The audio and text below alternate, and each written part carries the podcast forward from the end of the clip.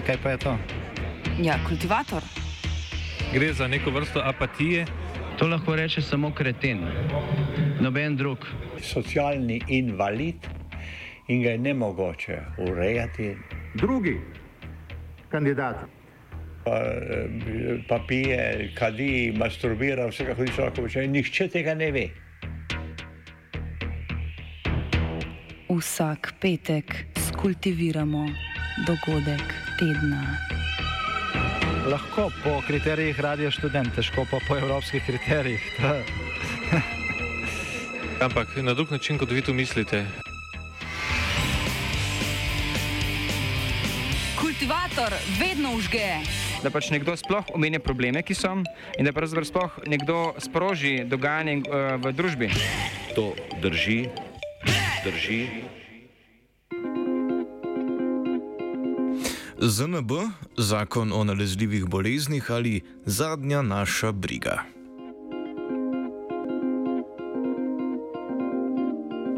Ustavno sodišče je v ponedeljek presodilo, da je vladni odlog, ki je za zaposlene v državni upravi uvajal pogoj PC, torej preboleli ali cepljeni proti COVID-19, neustaven, saj za njegovo uveljavitev ni ustrezne zakonske podlage. Ustavni sodniki so odločitev sprejeli s šestimi glasovi proti trem, pospremili pa so jo s petimi pritrdilnimi in dvema odklonilnima ločenima mnenjema. Izvajanje odloka je ustavno sodišče sicer zadržalo že konec septembra, potem ko so prejeli več pobud za oceno ustavnosti, vsebinsko pa so se opredelili do tiste, ki jo je v postopek uložil Policijski sindikat Slovenije.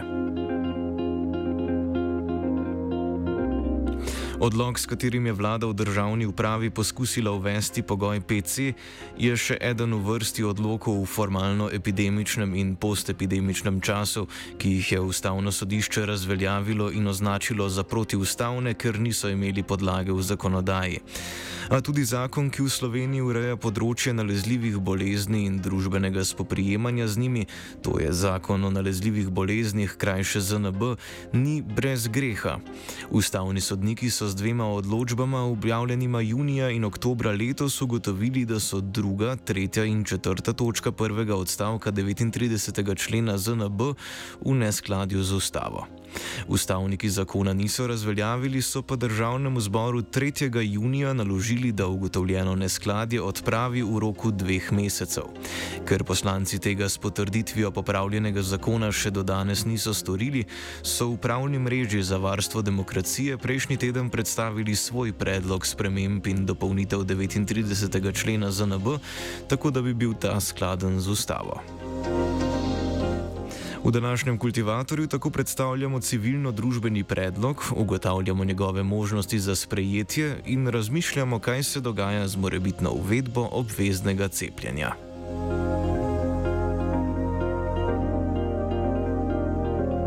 O predlogu zakona, ki ga je pripravila pravna mreža, smo se pogovarjali z enim od avtorjev, pravnikom Matijo Urankarjem iz odvetniške pisarne Senica. Uvodoma predstavi, kako je sploh prišlo do priprave zakonskega predloga. Geneza sodi tam nekje na začetek uh, letošnje jeseni. V bistvu smo se s kolegi, ki že dlje časa sodelujemo v okviru pravne mreže za varstvo demokracije, odločili, da je skrajni čas, da nekdo pristopi k reševanju tega zelo perečega, tudi ustavno-pravno problematičnega vprašanja. Tako da bi rekel, da je v bistvu ideja zrasla od spodaj na vzgorino. Uh, prišla je pobuda, seveda, z vodstva pravne mreže za varstvo demokracije, ki nas je kontaktirala nekaj tistih, ki sodelujemo z pravno mrežo in takšni so začetki. Pri pripravi zakona so sodelovali tudi epidemiologi, vendar so govornik njihovih imen zdaj, ko zakon še ni v parlamentarni proceduri, ne želi javno izpostavljati. Bi pa morda pri tem podaril to, da smo v relevantnem delu, to je tistem, kjer se predlog nanaša na tako imenovane markerje, ki jih mora strokovna skupina upoštevati pri predlogu ukrepov oziroma analizi stanja, da smo se tu kar v veliki meri tudi naslonili na vladni predlog iz letošnjega poletja, ki so ga tudi v tem delu pregledali epidemiologi in tudi svetovali, tako da smo izhajali tudi iz tega predloga. Tako da v bistvu je podlaga adekvatna, kar se tiče strokovnega znanja. O omenjenem vladnem predlogu so poslanci glasovali v začetku julija in ga s 44 glasovi za in 42 proti sprva podprli. Po odložilnem vetu državnega sveta, ko je bila za sprejem novele ZNB potrebna ne relativna, temveč absolutna navadna večina 46 poslanskih glasov, pa so ga na to prepričljivo z 78 glasovi proti in enim za zavrnili. Zakonski predlog pravne mreže glede na trenutno veljavni ZNB sicer prinaša tri ključne novosti. Prva je način, kako se pride do, če povem zelo poenostavljeno, ukrepov.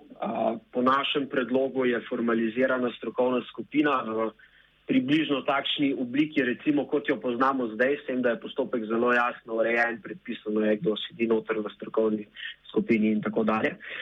Tako da v bistvu vsi ukrepi izhajajo iz nekakšne strokovne ocene, ki jo pripravi in torej imajo podlago v stroki, um, strokovnjaki sodelujo pri tem. To je, bi rekel, ta prva zelo pomembna zadeva, ki se zdaj, recimo, da uh, v praksi, a ne, jo nekako lahko vidimo, ampak ravno ta manjko uh, ureditve v zakonu je največji problem. Ne, in mi smo to tu rešili. Sestava strokovne posvetovalne skupine bi bila tako po novem formalizirana. V skladu s predlogom pravne mreže jo vodi predstavnik epidemiološke stroke, sestavljajo pa jo še predstavniki imunološke, sociološke, psihološke in pravne znanosti. Del skupine je tudi strokovnjak za nalezljivo bolezen, ki se določi glede na predvidljive zaplete bolezni in zdravniško specializacijo. Strokovno posvetovalno skupino imenuje vlada ali pa ministr za zdravje zdravje, odvisno od tega, kdo sproži celoten postopek izrekanja ukrepov. Do teh se omenjena skupina opredeli in sicer tako, da pripravi oceno, ki je na to objavljena v uradnem listu. In kaj piše v tej oceni? Poenostavljeno povedano, notri se mora strokovna skupina opredeliti do predvidenega razvoja epidemije.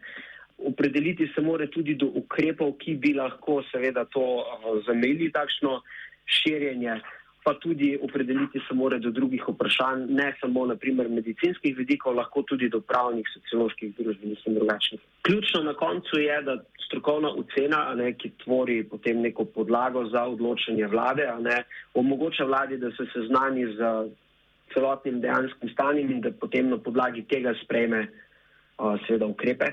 Uh, v našem primeru uredbo, ker ne predvidevamo več odlokov. Uh, Uh, in da se vse skupaj objavi, ja, tako je uradni ministr, da je torej zadeva preverljiva in na ta način tudi dobi nekakšno legitimiteto, ne, v legitimnost uh, pri prebivalstvu, uh, torej, ker lahko vsak vidi, ne, kaj je bilo predlagano. Druga ključna novost je stopnjevanje ukrepov. Te je vlada Janeza Janša mnogokrat sprejemala arbitrarno in počes, brez ustrezne obrazložitve strokovne posvetovalne skupine. Po predlogu pravne mreže so ukrepi domišljeni po sklopih, od tistih, ki jih je lažje sprejeti, do tistih, katerih sprejetje je bolj oteženo. Ukrepi se po našem predlogu izrekajo stopnjevito, se pravi od najmilejših do najstrožjih, ne, oziroma do najinvazivnejših. Če čisto poenostavim, na začetku naprimer, ne, se lahko izreke ukrepe, da se pogojuje upravljanje določene, dejav, določene dejavnosti oziroma prodaje blaga z upoštevanjem določenih higijenskih ukrepov. Potem je v tisti drugi skupini, ki sledi tem, če ti ne zadostujejo, a ne cela plejada ukrepov, približno takšnih, kot jih poznamo danes, od omejevanja pouka oziroma vzgojno-izobraževalne dejavnosti do omejitve ali celo prepovedi prometa z blagom in storitvami in tako dalje. Na koncu torej naj, tisti najinvazivnejši ukrepi, ki se lahko izrečejo samo, če bi mogoče ustrezno ne zaščititi prebivalstva s temi manj invazivnimi, se pa nanašajo na pravico do veroizpovedi, se pravi kolektivnega uresničevanja, povedano po domače verske obrede in pa javne shode. Teh torej, javnih shodov in verskih obredov naš predlog torej, predvideva, da se nikakor ne morejo pripovedati, se pa lahko omejijo z upoštevanjem določenih drugih pogojev in tako dalje. Tretja ključna novost je parlamentarni nadzor ukrepov, ki ga je vlada s sprejemanjem odlokov povsem zaobšla. Ocenjujemo, da je zelo pomembno, da taki ukrepi oziroma omejitve, ki um, zelo globoko posegajo v človekove pravice in temeljne svoboščine, na neki točki seveda morajo dobiti tudi potrditev v parlamentu, parlament kot institucija, tere v bistvu osnovno poslanstvo je določanje pogojev glede uresničevanja človekovih pravic in obveznosti, seveda. Ne. Na neki točki ocenjujemo, da mora ta nadzor obstajati in da pač mora te ukrepe pretresti tudi parlament. Ukrepe bi tako potrjevali poslanci v državnem zboru in sicer na pristojnem odboru, torej odboru za zdravje. Zakaj smo se odločili za to rešitev in ne za rešitev, kjer bi plenum, se pravi celoten parlament, celoten državni zbor potrjeval ukrepe? Ker se nam zdi, da je bistveno hitreje mogoče tako doseči soglasje parlamenta oziroma pač nadzor izpeljati. Bistveno bolj učinkovito je, odbor lahko hitreje, če poenostavim, deluje kot celoten plenum, vabi strokovnjake, vlada lahko prisustuje. V bistvu je bistveno hitreje se da tako speljati postopek. Je pa seveda ne, v običajnih okoliščinah normalno, ne, da razmerje v odboru za zdravstvo, a ne odseva razmerje v plenumu. Tako da v resnici je razmerje še vedno enako, kar se tiče celotne slike parlamenta, samo da se pač predstavimo morda na eno stopnjo niže, kjer se lahko nadzor spelje hitreje, bolj učinkovito, ker je seveda tudi pomembno, da je hiter nadzor, ne, ker logično je, da ukrepe je vendarle treba včasih izrekati hitro ne, in bi lahko prišlo do nepotrebnih zavlečevanj. Je pa tudi res, da ta nadzor temelji ideja, ne, ni, ni to za nek osamelec v Evropi, ne, Avstrija pozna približno takšno podobno ureditev in tudi od tam je to kolega Samo Brdutski, ki je ta del delal, sicer profesor na pravni fakulteti v Ljubljani, uh, mislim, da je celo izpred. Predstavljene novosti predloga sprememb ZNB, kot povdarja Urankar, izhajajo iz potrebe po večji transparentnosti celotne odločevalske verige, ki jo zagovarjajo v pravni mreži. Kljub temu je in mora biti odločitev, kako se soočati z epidemijo nalezljivih bolezni, v končni fazi vedno v domeni politike. Štejemo, da je eden izmed ključnih problemov, kot mi to vidimo, je to, da se trenutno morda pojavljajo nekakšne različne informacije, kaj je bilo na strokovni ravni predlagano, kaj ne in kako se je potem to operacionaliziralo. Če se pa obelodani ta celoten postopek, ne, pa potem to seveda dobi bistveno večjo težo, karkoli se tudi na politični ravni na koncu spreme. Bi pa morda podaril sem še to, kar je zelo pomembno, da na koncu logično je kak, izrekanje kakršnih koli ukrepov politična odločitev, ne, se politika tudi prevzame politično odgovornost za to.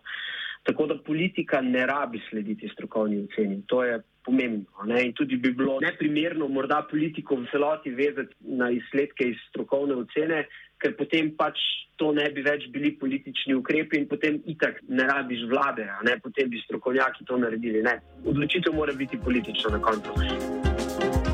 Pravna mreža je svoj predlog sprememb za NB posredovala vsem poslanskim skupinam.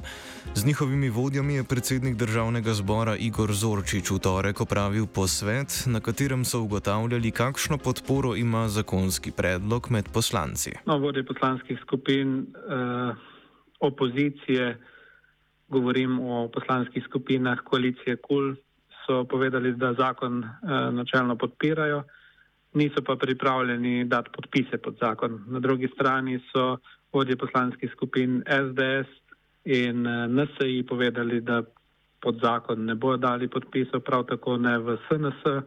Skratka, bolj kot ne kaže, da je usoda zakona vezana na mojo odločitev, ali takšen zakon vložim ali ne. Jaz mislim, da je zakon, ki ga je pripravila mreža za varstvo demokracije, dober, da pravzaprav omejuje pooblastila vlade, glede na to, da vlada sedaj deluje na podlagi zakona, ki je v določenem delu razveljavljen, da to nujno potrebujemo in bom po posvetu s poslansko skupino nepovezanih poslancev zelo verjetno ta zakon vložil v zakonodajno proceduro. Nepovezani poslanci bi lahko sprejeli odločitev prihodnji teden. Nadaljni potek je sicer odvisen od vrste postopka, ker zakon zadeva vse prebivalce, Zorčič razmišlja, da bi sklical javno predstavitev mnen. To bi pomenilo, da bi se obravnava lahko zavlekla, vendar bi to po njegovem mnenju prispevalo k boljši obravnavi zakona, ki bi bil na to morda sprejet. Kako pa prvi med poslanci dojema sporočilo, ki ga državni zbor z nespoštovanjem odločitev ustavnega sodišča daje ljudstvu? Jaz mislim, da takšno sporočilo eh, ni dobro. Seveda, gledajte, državni zbor dela po svojih eh, principih, po svojih močeh, nikogar od poslancev ne moreš prisiliti, da sprejme besedilo, ki se mu ne dopade, ampak vendarle je Ministrstvo za zdravje tisto, ki je pristojno za ta zakon in vlada tista, ki eh, dejansko nosi potem tudi največjo odgovornost v času trajanja naprimer epidemije ali v primeru uporabe tega zakona. Zato smo vsi upravičeno pričakovali, da bo ta vladni predlog prišel na parlamentarne mize, pa se to nažalost ni zgodilo. Zato sem toliko bolj vesel, da je mreža za varstvo demokracije pripravila ta osnutek zakona, glede katerega jaz mislim, da ne bi smel imeti nišče nobenih pripomp, verjetno jih bo imela vlada, ker si ne bo dopadlo, da je nekoliko omejena pri eh, sprejemanju ukrepov, eh, ampak vendarle, pogledajte, gre za zadevo, ki mora biti v korist vseh državljank, državljanov, ki mora slediti javnemu interesu in ki mora biti res uporabljena, eh, torej govorim o odlokih, o ukrepih, ki morajo biti uporabljeni res izjemoma in po strogo predvideni proceduri. Kot je na okrogli mizi o možnostih obveznega cepljenja, ki je včeraj potekala na znanstveno-raziskovalnem centru SAZU, povedal odvetnik Dino Bauk, zdajšnji zakon o nalezljivih boleznih omogoča tudi uvedbo obveznega cepljenja. Ko se je uh, Evropsko sodišče v tej zna, zdaj že znani zadevi Vavrička proti Češki republiki opredeljeval do uh, obveznega cepljenja otrok na Češkem, izhajali pri utemeljitvi, ko je te njihove pritožbe zavrnilo eh, Evropsko sodišče iz tega, iz pozitivne obveznosti države, da zagotavlja vsem državljanom pač zdravje. Ne. Iz te obveznosti izhaja pač naslednji korak, je obveznost države, da zagotovi ustrezno imunizacijo prebivalstva s cepljenjem proti nalezljivim boleznim. Se pravi, tukaj vse v resnici govorimo vse čas o obveznosti države do svojih državljanov. Ne, ne govorimo o obveznosti, tudi Evropsko sodišče ne govori o obveznosti ljudi, da se cepijo, ne, da sami se odločijo za to, da se cepijo. Ne. V bistvu je dožnost države ne da precep ljudi, ne, v, v resnici ja, doseže ustrezno, uh, ustrezen odstotek precepljenosti. Zdaj, a to naredi z ustrezno pozitivno kampanjo ali to naredi na kakršen koli način, v bistvu, kar se tiče Evropskega sodišča, pač to ni bistveno. Ne? Eden od ukrepov, ki je pa dopusten, da se to doseže, ne, je pa tudi obvezno cepljenje. Vedno bolj slaven 22. člen zakona o nalezljivih boleznih je pred več kot 15 leti že prestal presojo ustavnega sodišča, takrat seveda zaradi nasprotovanja staršev proti cepljenju otrok. Naše ustavno sodišče je zauzelo enako stališče kot letos Evropsko sodišče za človekove pravice v primeru iz Češke. V resnici smo mi v 22. členu predvideno obvezno cepljenje, uh, ne samo za te znane in več ali manj uh, za, katere, za bolezni, za katere obstaja več ali manj soglasje, da se je treba tudi uh, cepati, ne, otroške. Uh, imamo tudi za nedoločene nalezljive bolezni določen, da pač, če za to obstajajo epidemiološki razlogi, ne, da je cepljenje obvezno, če je seveda uh, to cepljenje uvrščeno v, v letni program cepljenja. Se pravi, predpostavlja zakon nek zelo minimalen akt nekega državnega organa, to je ministr za zdravje, ne, ki pač to uvrsti v program cepljenja. Ne. Ni potrebno, zakon, ki je bil pisan leta 1994, je pač o, o, o, na to gledal kot na nekaj dost samoumevnega. Ne. Če imaš epidemiološke razloge, se pravi epidemijo nalezljive uh, bolezni, ki ogroža zdravje, splošno zdravje prebivalstva in imaš na voljo cepivo in ga imaš na voljo za vse, potem je obvezno cepljenje pač samo po sebi umevno po tem zakonu. Ne? V splošni pa tudi pravni javnosti in očitno v sami politiki ter strokovni posvetovalni skupini je očitno prišlo do spoznanja, da ta pravna podlaga ni zadostna, čeprav resnih pravnih argumentov za to ni. Po naših neuradnih informacijah naj bi se na vladi pripravljal tudi poseben zakon o obveznem cepljenju proti COVID-19. V igri naj bi bila tudi uvedba participacije necepljenih pri stroških hospitalizacije. Odločitev, ali bo tak zakon dejansko tudi predlagan, naj še ne bi bila sprejeta, saj soglasja v tem za zdaj ni. O tem, ali naj necepljeni v primeru hospitalizacije stroške krijajo iz lastnega žepa, bo v torek na seji razpravljala Komisija za medicinsko etiko, ki deluje kot posvetovalno telo Ministrstva za zdravje. Siceršnje stališče komisije do obveznega cepljenja predstavi njen predsednik Božidar Volč, ki povdarja, da je obveznost bolj domena zakonodajalca kot pa same komisije. Komisija Republike Slovenije za medicinsko etiko je v svojih dosedanjih javnih stališčih že večkrat pod, izrazila podporo cepljenju, ker meni, da je z njim na najbolj učinkovit način možno epidemijo COVID-a zaustaviti.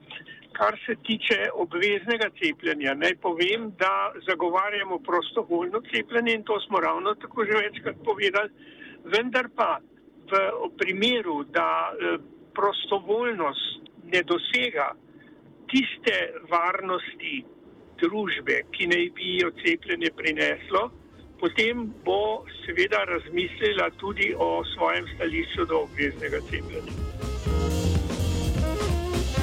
V pravni mreži, kot pojasni Urankar, ne ustrajajo nujno pri zakonskem predlogu sprememb, kot so jih spisali. Njihov namen je zlasti preseči zatečeno stanje, ko se v času sicer nerazglašene epidemije, ki pa de facto je med nami, vlada z odloki zakon o nalezljivih boleznih, ki že v imenu izpriča svoj namen, pa je v delu neustaven. Zdaj se mora odločiti politika, ki pa se bo, sploh glede na izkušnje z nedavno uspešnimi civilno-družbenimi pobudami v zvezi z zakonom o vodah in proračunskim dopolnilom za izgradnjo vodovoda za krajane Anhovega, težko sprenevedala, da sprememb na tem področju ni mogoče doseči. S tem bi namreč poslala močno sporočilo, da se ima tudi ob posredovanjih civilne družbe za samozadostno in tako.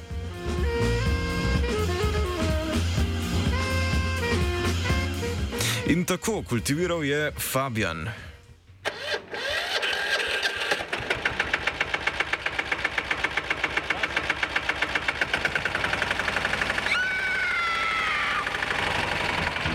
E, kaj pa je to? Ja, kultivator. Gre za neko vrsto apatije. To lahko reče samo kreten, noben drug. Socialni invalid in ga je ne mogoče urejati. Drugi kandidat. Pa, eh, pa pije, kadi, masturbira, vse kako hoče lahko počne. Nihče tega ne ve. Vsak petek skultiviramo dogodek tedna. Lahko po kriterijih radio študent, težko pa po evropskih kriterijih. Ampak na drug način, kot vi to mislite. Kultivator vedno užge. Da pač nekdo sploh omenja probleme, ki so, in da pravzaprav sploh nekdo sproži dogajanje uh, v družbi. To drži, drži.